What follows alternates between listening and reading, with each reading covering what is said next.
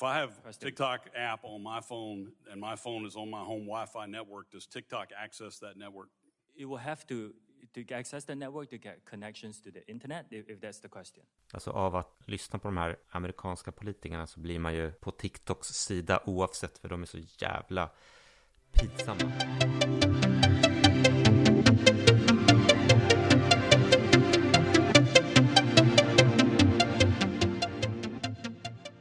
Det ska vara kul att diskutera med dig. Det Mm. blossar upp med jämna mellanrum på eh, speciellt finans-Twitter och det är FIRE-rörelsen. Har du hört talas om? Nej, berätta om FIRE-rörelsen för mig. FIRE står för Financial Independence Retire Early och Mm. det finns så här FIRE-kalkylatorer, sjukt simpel räntekalkylator som är så här, Mm. vad är din månatliga kostnad och hur mycket och liksom, vad räknar du med för avkastning och Mm. då hur mycket pengar måste du ha för att kunna uppnå det och då har folk då den här summan som ett mål och när de når det målet då säger de upp sig från sitt jobb. Alltså från den punkten så eh, lever de bara på avkastningen av sitt kapital och har inget Mm. jobb och så vidare. Och det finns ju en stor podd som heter Börspodden och eh, en av de som har den, han, han hade nyligen en ganska, jag tror han både skrev en artikel i Affärsvärlden och hade en rolig rant i podden om att tre veckor in i din liksom, FIRE-liv så är du ju bara en alkis som sitter på någon strand och liksom hinkar bira. Ska du, ska du göra det i 40 år? Att det är ganska Mhm. oinspirerande. Va? Det är ju människor. Men hade inte du... Jag håller inte med. Tackade inte du inom liksom, citationstecken nej till eh, politiska motsvarigheten till FIRE? Du kunde ju få så här, eh, pension från riksdagen. Ja, jag tackade nej till eh, avgångs... Eh, vad heter det? Det heter väl inkomstbortfallsförsäkring eller något sånt heter det väl. Eh, eller omställningsstöd heter det. Så heter det. Eh, och det är ett två eller treårigt eh, bidrag som du får för att hjälpa, hjälpa dig ställa om från eh, att vara beroende av bidrag, av bidrag från riksdagen till att eh, försörja dig själv. Du får det så länge du inte har någon annan inkomst eller? Ja, det, det räknas, du, du ska liksom få en annan inkomst, då måste du rapportera in det och så räknas det av. Så då liksom, de toppar ju upp, de garanterar en minimilön för dig. Men du hade kunnat eh, fortsätta podda, inte ta ut några pengar för det och leva på det. Ja, ja om jag hade, jag hade kunnat leva på det, då hade jag ju fått ungefär så mycket jag plockar ut ur mitt bolag i lön nu, ungefär. Och sen eh, hade jag kunnat bara lägga alla pengarna i podden och sen plocka ut det som utdelning om några år. Och varför tackade du nej? Jag vet inte, det, det kändes som det rätta att göra. Den som är satt, det, det, känns som att jag hade blivit satt i skuld och inte varit fri om jag hade gjort så. Å ena sidan vill jag ju ge dig som skattebetalare beröm för att du tackade nej. Men Mm. samtidigt, det är ju, eftersom du lämnar politiken så blir du inte så här, ah, det, det är inte så att du kan dra nytta av det. Kolla, jag tackade nej, jag är en Ja, bra men jag har inga men det är väl för, det här är väl mi- mitt sätt att hålla dörren öppen, tror jag. Mm. Men Det här är samtidigt, mitt tror undermedvetna sätt. ha, tror du att det hade varit, eftersom, gör inte alla andra det? Jo, alla, jaha, du menar att alla andra plockar ut det? Ja, Nej men så här, alla andra plockar väl ut det och sen efter ett tag får en lön. Men jag tror inte alla, Eh, jag hade ju redan en inkomst i och med att jag hade min podd och allt det där och mitt företag har jag drivit sen jag kom in i riksdagen, eller till och med innan. Så jag hade ju redan intäkter när jag slutade med riksdagen. Och det är väl något unikt, kanske. Så jag visste ju att jag inte behövde det här omställningsstödet. Eh, att jag hade råd att finansiera mig själv. För jag tror det vanligaste är väl att man plockar ut omställningsstödet, man har det tills man hittar ett jobb eller liksom, och sen när du får det här jobbet så kommer du få högre lön än vad det där ersättningen ger dig. Och sen så fasas den automatiskt ut. Och sen, men sen finns det väl de som börjar en konsultverksamhet, maxar några år, får in lite kapital till bolaget och sen tackar nej liksom, och slutar. Och så finns det de som bara kör FIRE, nämligen, för är du över 50, då är det ju inte bara tre år du får, utan du får det tills du går i pension, tills du är 65 år. Eh, och vissa kör ju så att de, de kör FIRE-modellen, att de lever på det där bidraget tills de går i pension. Men det känns ju verkligen som att ingen kommer någonsin tacka dig för att du inte tog det. Nej, men istället så kan jag tycka och tänka på sociala medier och, och Expressen och allt sånt utan att, utan att halvt behöva skämmas och folk, på, folk, folk skulle påpekat det till mig och jag skulle tagit åt mig. Jag gillar av, av alla saker som man kan eh, fästa på dig så är det den som du undviker. Ja, exakt. Jag, folk har kallat mig så fruktansvärda saker, aldrig brytt mig. Men skulle någon kalla mig bidragstagare, då skulle jag ta illa upp. Nej, men det är ändå, det är ändå men, men, men då tillbaks till FIRE-frågan. Jag, eh, när vi sålde, eller när jag var med i en transaktion där vi sålde vårt bolag för några år sedan, då var jag i en situation där det var typ, okej, okay, om jag liksom ba, om jag skulle ta sätta in alla pengar på banken, bara leva på avkastning och liksom leva ett normalt liv så kanske inte jag skulle mm. behöva jobba igen. Mm. Men liksom dag två av det livet så vaknade jag så här, okej, okay, om jag lever så här i 40 år tills jag är 80, mm. ska jag se tillbaks på mina sista 40 år i livet och jag har liksom inte skapat någonting, jag har inte bidragit någonting, jag har bara chillat. Det kändes mm. som att, jag kände nästan att jag skulle hellre typ dö urfattig men ha mer upplevelser, och, eller inte upplevelser men liksom försökt skapa någonting nytt än att bara supa mig igenom på någon... Jag, menar, jag, tror, jag tror det finns en så här valley, det, det är som en puckel, alltså när du kommer upp till en viss inkomstnivå så, så nöjer du dig med att leva bekvämt bara. Om du kan göra det så kommer du göra det. Eller en viss nivå, standardnivå. Och sen så kommer du över den där pucken och då du har så pass mycket pengar och vet att du kan tjäna ännu mer pengar. Att du börjar tycka att det är roligt att skapa istället. Det är ingen grind liksom på samma sätt. Det är ingen stressig grind för dig. Och då blir det ju, då blir det ju lustfullt. Förstår du?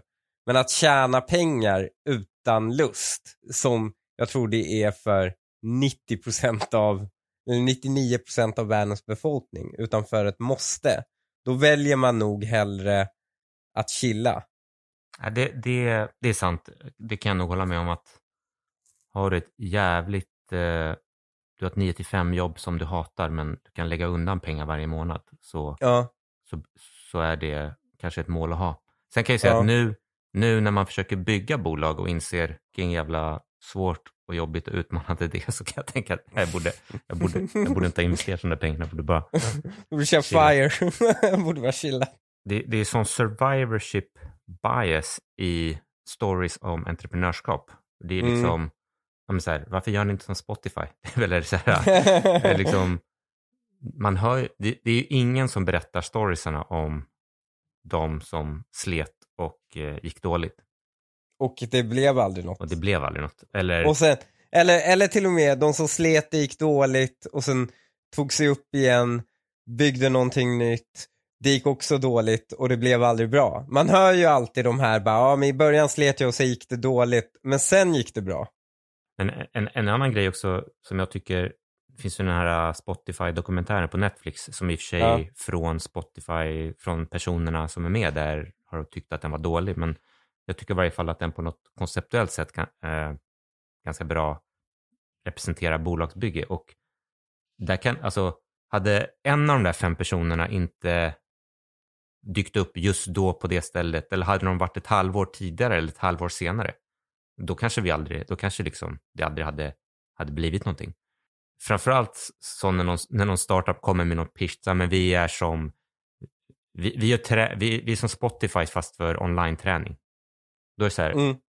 motfrågan man vill ställa sig, aha, eh, ni har hittat fem personer som precis har de här olika egenskaperna och ni kommer skriva om TCP/IP-protokollet för att kunna pusha filer direkt in i datorn utan delay. Eller vad, eller vad folk tror liksom att Spotify är en subscription-tjänst för musik. Det är ju liksom, Det är bara resultatet av alla andra Ja. beslut som togs, teamet och det de Jag byggde. kommer ihåg när Spotify revealade, Mm. alltså när det, det var en betaversion. Och jag var imponerad över tekniken. De avlastade ju sina servrar med, via lite, i början var det så, var det lite peer-to-peer fildelning där de avlastade trafiken från sina servrar genom att varje klient fick eh, delade med sig av eh, sina ljudfiler. Och därutöver så hade den en enormt bra så här, matchningsalgoritm mellan dina mp3-filer och en central databas av musik. Och när du spelade upp dina mp3-filer då, som du hade nedladdat i Spotify, så kunde, om den matchade så kunde artisten få betalt. Som om den streamades, men den streamades bara, den streamades inte utan det var massor av så här teknisk innovation. Delning av filerna, att du kunde skicka URLer till, som gick till ett program.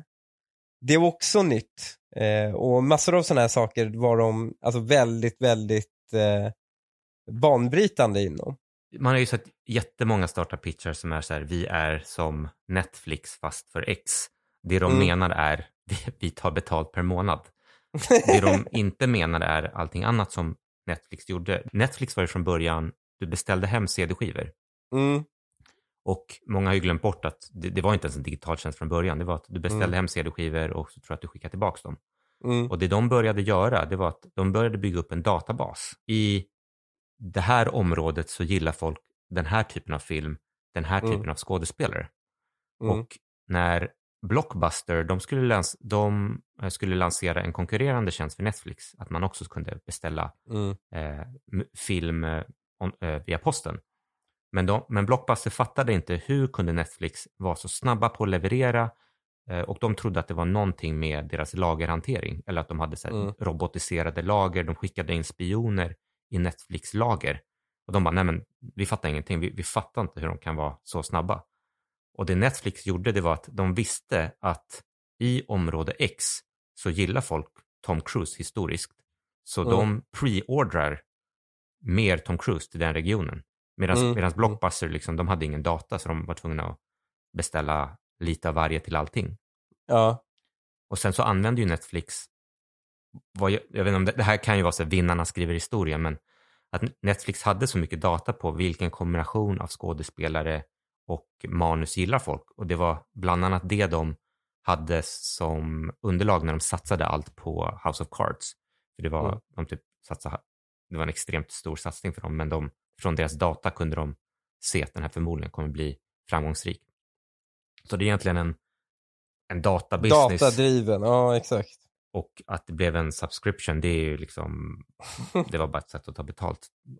Såg du att Twitter släppte hela Ja, sin algoritm med open source? Den verkade Det var vara, ganska spännande logik i det. var det inte något att om det hade många utropstecken att det var, det var en faktor? Mm, men det var också om det var många blockade så fick du, blev du st- straffad för det. Att blocka folk var, Om man själv blockar folk? ja. Eller om det var många som blockade dig. Ja, men det var något sånt. Och sen, om du stavar dåligt så blir du också straffad. Eh, du blir väldigt gynnad av video. Du blir straffad om du pratar utanför. Den grupperar ihop dig i, en, i ett kluster. Men så fort du sökte dig utanför ditt kluster så straffar den dig. Den liksom med flit skapade de här bubblorna. Influencer används ju oftast nedvärderande, men Mm. det, är en konst att förstå den där algoritmen, förstå hur man får spridning. Jag vet inte om den konstformen är bättre eller sämre än att vara en rockartist på 70-talet. Det- De jag är imponerad över på riktigt är ju YouTube. Eh, De som kan YouTube riktigt bra Mm. med vilka videos som får, det är tio gånger svårare än Twitter och Instagram. Jag har i och för sig aldrig fattat vad det är som flyger och inte flyger. Det har jag liksom, det har jag aldrig eh, det, verkar, det ser random ut för mig. Så jag har gjort det är att jag har slängt ut alla tankar jag har haft. Men har du en YouTube-kanal? Nej, eller jag hade en Käbbel hette det tillsammans med eh, en riksdagsledamot som heter Ida Drugge. Eh, och sen så la vi ner den. eh, och vi har inte, vi har inte, jag har inte varit på YouTube efter det. Jag vill börja streama igen. Eh, det gjorde jag. Jag hade ett Twitch-konto där jag streamade som blev halvstort faktiskt. Men sen eh, kom livet emellan. Men jag, det är någonting jag vill göra. Jag, jag, liksom, jag har märkt att gör man någonting med lust så märker man ett tag att man blir bra på det. Men jag såg en intressant, eh, det, fi- det finns ett antal intressanta videos om folk som kan den där Mm. YouTube-algoritmen. Det var bl- bland annat en person som, han la ju otroligt mycket tid på allt från eh, thumbnail till rubrik Mm. och så vidare. Han berättade så, det var en rolig grej, det var, det var någon video han, eh, videon gick, de hade en serie där de, de knackar på hos folk och frågar typ, hur blev du rik? Folk som har stora hus. Mm, mm, Och, så mm. hade, och thumbnailen är alltid liksom i dörröppningen när de typ skakar Mm. hand. Och i en av de här videos hade de liksom, de hade inte fått till en bra bild. Mm. Så då tog han in en typ skådespelare bara för att göra thumbnailen. Mm. Men ingen reagerade på att det inte är samma person som är i filmen. Så att man kan, så att, ja, dels den dedikationen för att liksom göra rätt thumbnail mm. och att eh, har, du, har du bra content så, så fokusera inte Men på det där är ganska spännande för man kan ju bli slav för de här algoritmerna. Till Mm. exempel Facebook har ju bytt sin algoritm för vad som flyger och inte flyger Mm. tusen gånger. Liksom. Eh, I början så, så till exempel så flög ju, det var ett tag då bilder flög skitbra.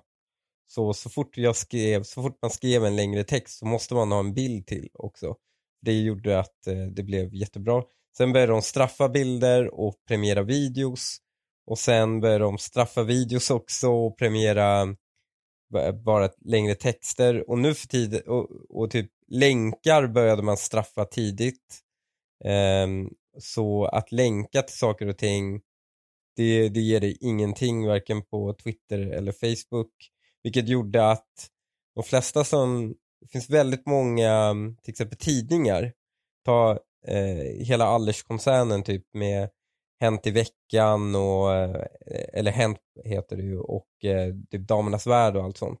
De är ju helt eh, algoritmdrivna på Facebook. Det är Facebook-tanter som sitter och klickar på så här eh, avslöjandet om eh, typ eh, om eh, Ingrossos eh, stora drama. Alltså det ska vara något vagt liksom. När Facebook bestämmer sig för att fucka med länkar så går de liksom, hela deras bottom line bara försvinner. För att de drar inte trafik längre. Det, det är ju jävligt, jävligt risky om din affärsmodell är beroende av en algoritm som byts väldigt ofta. Ja, verkligen. Och eh, nu har ju- jag vet inte om algoritmen har korrigerat för det, men nu kör ju alla att man lägger länken i kommentarsfältet. Jag tror i stor utsträckning att det är, det, det har blivit så här en, en, tidningarna fick ju väldigt mycket trafik förut från sociala medier. De får inte det längre. Förut fick de väldigt mycket trafik från sociala medier. Men sen började de kräva det här så kallat för länkskatt. De ville att Facebook skulle liksom betala dem för att de producerar content som då delas på Facebook och då ville de, håller de på att lobba igenom att Facebook skulle dela med sig av sina intäkter då till eh, Expressen och Aftonbladet och sånt. Varpå Facebook svarade med att man nerfa länkar till nyhetsmedium hur mycket som helst så att de blev av med väldigt mycket av sin trafik. Ett angränsande frågeställning till det där är ju AIs datainsamling. Mm. Jag vet inte om du såg, eh, Midjourney har ju nu lanserat, Ja, översätta tillbaka till text ja. ja precis, och, men det som slog mig var att jag gjorde några sådana test och då, så, så Midjourney är ju en bild AI där du kan skriva, jag vill ha en bild på när påven åker skateboard och så gör den en bild när påven Mm. åker skateboard och den har liksom tränats upp på massor med bilddata och det här är extremt kontroversiellt inom eh, ska säga, konstnärsvärlden eller fotograf och 3D-artistvärlden eftersom Midjourney är ett, många säger att oh, Midjourney det är ett litet team och tjänar sjukt mycket pengar, fan vad duktiga de är. Men egentligen bygger de ju ovanpå miljontals människors bilder som de Mm. utan behörighet eh, har liksom, tar och monetiserar. De har scrapat internet på det. Istället för att du skriver eh, påven ska åka eh, skateboard så kan du ta en bild som du har och så kan du säga hur uppfattar du den här bilden i text? Och Mm. väldigt ofta så säger den liksom att ja, men, jag tycker den här bilden är i stil med den här fotografen eller i stil med den här 3D-artisten och så kan man gå in på Artstation och så hittar du den personens verk där. Mm. Men då är på något sätt, inte det på något sätt ett erkännande att de har scrapat den här personen. Ja, det måste det väl vara. Så jag vet inte Ja, riktigt hur hur... känner den till henne? Jag menar, tänk dig om du, tänk dig om du livnär dig på konst. Du har en viss Mm. konstform och sen så, lägger du in, sen så laddar du in din egen bild på Midjourney och Midjourney säger Mm. ja men den här bilden är i din stil och det innebär att Mm. vem som helst kan generera bilder i din stil och Ja. du får ingenting betalt för det. Nej. Jag, jag förstår att det är, jag, jag tror tyvärr att liksom, eller jag vet inte tyvärr, men tekniken brukar alltid vinna i slutändan, men jag förstår att man känner sig orättvist behandlad. Sen motargumentet folk har, det är ju så här, ja men det är ju, det är så en människa jobbar också. Om du är en vanlig artist så blir du inspirerad av andra artister, men jag kan ändå förstå att det finns en, eh, Jag menar Ja. rent juridiskt, så länge det är i din stil men det är inte själva bilden och den har en verkshöjd, då är det okej. Alltså då gäller inte upphovsrätten. ja det är väl det som är, men det finns ju vissa, vissa För konst... jag menar det är lagligt när människor gör det Mm. och lagen bryr sig inte om det är en människa som har gjort det eller om det är en maskin som har gjort det. Men, men till exempel Simon Stålenhag som har en som Mm. väldigt eh, uttalad stil. Att jag kan gå in och generera en bild i hans stil liksom. Mm. Och eh, ja, jag förstår att det är... Det, det fanns ju en tid då man hade superstjärnor. Om vi, på grund av sociala medier och så har man, finns det inga superstjärnor längre. Det finns bara massor av små, lo, liksom halvstora stjärnor. Typ så. De här megastjärnorna har försvunnit, eh, säger man. Och lite så blir det ju, bli, riskerar inte konstnärsvärlden också gå mot det? Nämligen Simon Stålenhag är ju väldigt känd. Uppfattar jag i alla fall, för att vara en nischartist liksom så uppfattar jag honom som väldigt känd. Det kommer ju bli svårare att bli känd för en stil framåt när alla kan generera den. Alltså frågan är om det blir typ så här, du är, om du är artist med en, eller du anser dig själv ha en unik stil. Det, blir, det kommer bli väldigt viktigt för dig att dina bilder får liksom bara visas i fysisk form på vernissage. Mm. Ingen får fota dem, de får aldrig liksom hamna online. Saudi är på någon sorts global skärmoffensiv, eller um, Mm. MBS. Och eh, de, dels har de väl sneglat på Dubai och tänker om en, eller, de, eller grundproblemet är väl så här, vad ska vi göra när oljan är slut? Mm. Och då verkar ju e- en approach de har det är liksom, folk verkar gill- gilla Dubai, så vi kör liksom Dubai fast liksom på steroider. Helt galna skyskrapeprojekt och sånt där. Och sen har de väl sneglat på Kina som har gjort massor med investeringar Mm. inom gaming och så vidare. Och så tänker de, eh, och, och tech, och så ska de väl eh, försöka replikera det och sen när oljan tar slut så ska de liksom bara investera det i massor med bra grejer. Och det finns ett klipp som kom nu i veckan där det var någon Saudi sponsrad konferens med bland annat eh, A16Z som är en av de mest kända VC-fonderna och Adam Newman känd från WeWork. De var extremt positiva kring Riyadh som det nya och eh, Saudi. It's amazing because I've been uh, meeting a lot of Saudi entrepreneurs. I've been meeting them for a few years, but I've been meeting a lot over the past year. And I've been hearing more and more, I'm moving back to Riyadh, I'm moving back to Riyadh. And I asked the entrepreneur, why? Why are you moving back? And they said, what are you talking about? It's the most exciting place on the planet right now, and I want to live where the action is. The more I think about it, the more Saudi almost feels like a startup. And Ben, we've talked a lot about Yeah. what makes startups startups, but that's the feeling I'm getting right now. You know, we spent quite a bit of time in Saudi, and people, well, what, what do you mean it's a startup country? And it actually, it's funny because it starts with Saudi has a founder. Now, you, you don't call him a founder, you call him His Royal Highness, but he's creating a new culture, he's creating a new vision for the country, he's got like a very exciting plan to execute, and then the people in the country are fired up to do it. Men det var ju, det var, var- mängden pengar de skulle gå in och investera var typ den totala mängden pengar typ VC-kapital hade investerat i USA de senaste typ, sju åren. Ja, summorna är ju alltid helt sjuka och eh, Mm. jag menar Saudi investerade ju i Embracer på toppen men nu liksom Embracer-aktien är väl ner 50-60 procent sedan de investerade men det är väl liksom några timmars oljeintäkter för, för dem så att de bryr sig Mm. väl egentligen inte men vissa tycker ju att det är liksom dåligt för från mänskliga rättigheter att man bara för att Saudi kommer med pengar så liksom alla är med på den här uh, whitewashingen. Mm. Eller, eller, så, eller, eller så kan man säga, ja men vissa tycker, vissa tycker USA är imperialister så, så who cares, liksom pengar är pengar. Alltså frågan är ju så att säga med vilka strings kommer pengarna attached? Jag menar, Ten, Tencent och, och eh, har ju till exempel investerat ganska, det finns väl fan inget underhållningsbolag i hela västvärlden som Tencent inte har pengar i. Ja, typ inte. Eh, men jag såg att det var i vilken film, ja, eh, den bästa actionfilmen de senaste 20 åren, Top Gun 2 då. Han hade ju en jacka där eh, när man är på så olika missions så får du en patch. Mhm. Och han hade en så här Taiwan patch som han hade i originalfilmen. Eh, med tai- Taiwans flagga på. Eh, på ryggen. Och i trailern när de ska släppa den här och han återigen tar på sig den här jackan. Då har de bytt ut den här patchen till ett icke-land som inte existerar. Eh, till en flagga som inte finns. Och det är ju för att kinesisk liksom, riskkapital var med och investerade i den filmen. Så det visar ju på att, eh, så att säga, kompromisser sker. Det är fascinerande hur mycket soft, soft power de har. Ja. Och, och tittar man, jag, när jag tittar på, jag, jag gick igenom lite snabbt eh, att scrolla den här Sau, Saudis eh, transparenslista helt enkelt. Den här listan på eh, riskkapital. De, de hade ju investerat i olika riskkapitalfonder och de hade bland annat invest, d- d- från, och då kan de investera i samma produkt från flera olika riskkapitalbolag helt enkelt. Mm.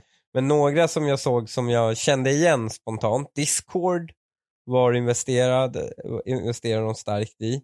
Ehm, Bird, som är det här skoterbolaget. Canva, som jag vet att Moderaterna använder för produktion av sitt eh, reklam och kampanjmaterial på nätet.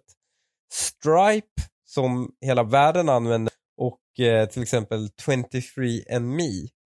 Alltså som var typ kartla- de, de är en av de mest populära DNA-profileringstjänsterna som finns där ute. Kolla på den här hearingen som de hade med TikTok i USA. Nej, Alltså av att lyssna på de här amerikanska politikerna så blir man ju på TikToks sida oavsett för de är så jävla pinsamma. Det var ju någon, något klipp jag lyssnade på där liksom någon av de här senatorerna i vanlig ordning, han bara hur många unga har tagit livet av sig tack vare TikTok? Han bara typ så här, han bara, jag, alltså, jag kan inte svara, det går inte att svara på den frågan liksom, säger TikTok. Mm. Han bara, jaha, så du kan inte, you can't, I want a number. Alltså, man bara, alltså, lugna ner dig liksom. Does TikTok access the home Wi-Fi network? Only if the user turns on the Wi-Fi. I, I'm sorry, I may not understand the. So if I have President. TikTok app on my phone and my phone is on my home Wi-Fi network, does TikTok access that network?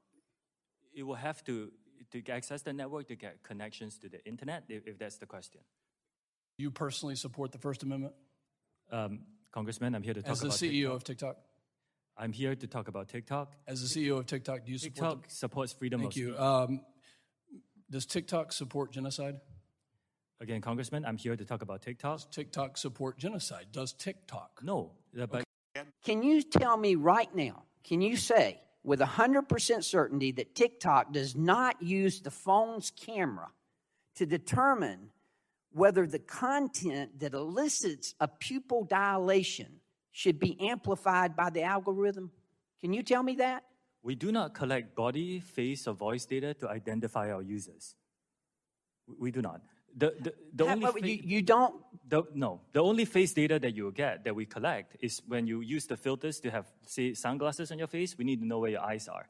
And Why that do you need da- to know what the eyes are if you're not seeing if they're dilated? And, and that data is stored on your local device and deleted after use if you use it for facial. Again, we do not collect body, face, or voice data to identify our users. I find that hard to believe. It's our understanding that they're looking at the eyes. How do you determine what age they are then? Um, we rely on age gating as our key age assurance. Age gating, which is when you ask the user what age they are. We have also developed some tools where we look at their public profile, um, to go through the videos that they post to see whether Boy, that's creepy. Tell me more about that. it's public. So if you post a video, that's you choose that video to go public. That's how you get people to see your video. We look at those to see if you, it matches up the age that you talked about. Look, you keep talking about the industry. We're talking about TikTok here. We're talking about children dying. Do you know how many children have died because of this? Do you have any idea? Can you tell me? Uh, Congressman, again, it's heartbreaking. Can you tell me if how many children in America have died because of challenges like this? the majority of pe- people who use our platform use it for positive experiences. There I, are I- that's not what I ask you. I some- ask you, tell me the number of children, of U.S. children who have died because of these challenges. Congressman, uh, again, the majority of majority of people who come on our platform get a good I'm not talking about the majority of children. I want to know a number. Dangerous challenges are not allowed on our platform. If we find them, we will remove them. We take this very Ob- seriously. Obviously, you found one today and you removed it. We had to bring it to your attention, and I know I'm out of time. Thank you for being here. Welcome again to the most bipartisan committee in Congress. Det som är däremot intressant är skillnaden mellan, har du sett sådana här side by side comparison mellan al- hur algoritmen funkar i Kina, TikTok-algoritmen versus i USA? Jag, har, jag, jag såg något på 60 minutes om det där. Eh, Men Det, det så i USA så pushar man till då barn att, att de ska bli liksom kända för att vara kända och visa röven typ. Eh, och eh, eh, i Kina så pushar man så här vetenskap, matematik, experiment och sånt. Ehm, Men, så det är men, liksom, men frågan är om det där backfirar. För att om du är någonstans i världen och är sjukt smart och eh, forskare så vill du ju ändå vara i det landet där folk visar röven. ja, så är det väl. Ja, men det, ja, men det här... eh, Jag tycker, Men, jag tycker för man är, tillfället ja. ja. men jag, tycker man så jävla länge har hört det där Kina-hotet och de har så mycket ingenjörer. Men okej, nu kanske... De blir ju bättre och bättre. Ja, det är sant. Jag menar de producerade ju, de, de, det är ju som japanerna, liksom japanerna stal ju allting, de, i början av deras industrialisering så stal de ju allt. Men det är ju ingen som kan ifrågasätta om Japan har en innovationskraft nu eller inte. Det har de ju. Det är därför den här tanken om att pausa AI-utvecklingen i sex månader i USA är så absurd. Jag menar, Kina investerar också extremt mycket. Det är därför de producerar egna GPUer nu. De har ju börjat producera eh, egna GPUer för att inte vara beroende av amerikansk teknik för att kunna driva sina, sina, ja, men sina de här AI-erna för du behöver ju enormt mycket GPU. Den är helt omöjlig att få tag på vä- i väst, den GPUn som Kina har producerat. Och, eh, man, men jag såg att Linus Tech Tips på YouTube hade fått tag på en och eh, den sög. Den var liksom några generationer efter och ganska buggig och dålig. Men det var fortfarande, det var den första versionen. Liksom, det var första gången de kom ut med den. Och detsamma gäller ju faktiskt till exempel Intel som gav sig in i grafikkortsbranschen. Och deras första grafikkort, eh, Intel Arc, den sög ju också. Men att de lyckats producera den är ju eh, imponerande. Så jag tror inte man ska underskatta hotet. Och det är inte nödvändigtvis så att alla alltid vill till civilisationen där det högsta målet hos folk är att visa röven. Nej, men jag tror faktiskt att man, dock att det finns någon typ av eh, symbios mellan att eh, ha en liksom kultur och kulturliv och vara dominerande med Hollywood och att det drar Mm. till sig smarta människor och professorer som vill liksom leva i den miljön och vara kreativa. Men det intressanta är att man, man diskuterar just att förbjuda TikTok. Eh, Xiaomi, de är väl kineser och de har ju liksom robotdammsugare och kartlägger varenda hem i typ halva, halva västvärlden. De gör ju, Ja, Så att, eh, det, känns som att, så här, det känns som att TikTok är liksom det är ett bekvämt mål för föräldrar. Folk tycker lite illa om dem ändå. mm, mm. Om de skulle förbjuda TikTok i USA, vilket jag tror är ändå 50 50% sannolikhet, så det inte konstigt att det skulle vara fortsatt tillåtet i Sverige. ja men tror du Sverige kommer följa och göra det? Du tror det? Eller är. Europa? Frågan är, jag håller på att tänka rent lagstiftningsmässigt, har de verktyg för det? Kan man göra det? Eh, kan man tvinga Apple att ta bort en, ja det skulle man, lite soft power skulle man absolut kunna tvinga Apple ta bort eh, TikTok. Grejen är att. Kina har ju förbjudit amerikanska appar helt okontroversiellt i typ tio års tid. Ja, verkligen. Varför ska inte vi få göra det? Men eh, då köper jag, eh, eller kan man göra det? Kan man köpa aktier i Meta? Ja, det kan man göra, men frågan är, är de, kommer de vara vinnare? Vinnarna är ju Instagram Reels. Eller YouTube kanske? Youtube Reels har inte, fl- flyger inte på samma sätt. Eh, Instagram Reels är ju den direkta motsvarigheten. Och faktum är att jag konsumerar, jag konsumerar ju en sån här skitmedia, alltså de här korta 30 sekunders dampklippen. Men jag gör det enbart via Instagram och inte via TikTok av någon anledning. Kanske för att jag är boomer, men ehm, Okej, jag kör Eh. faktiskt bara YouTube Shorts. gör du?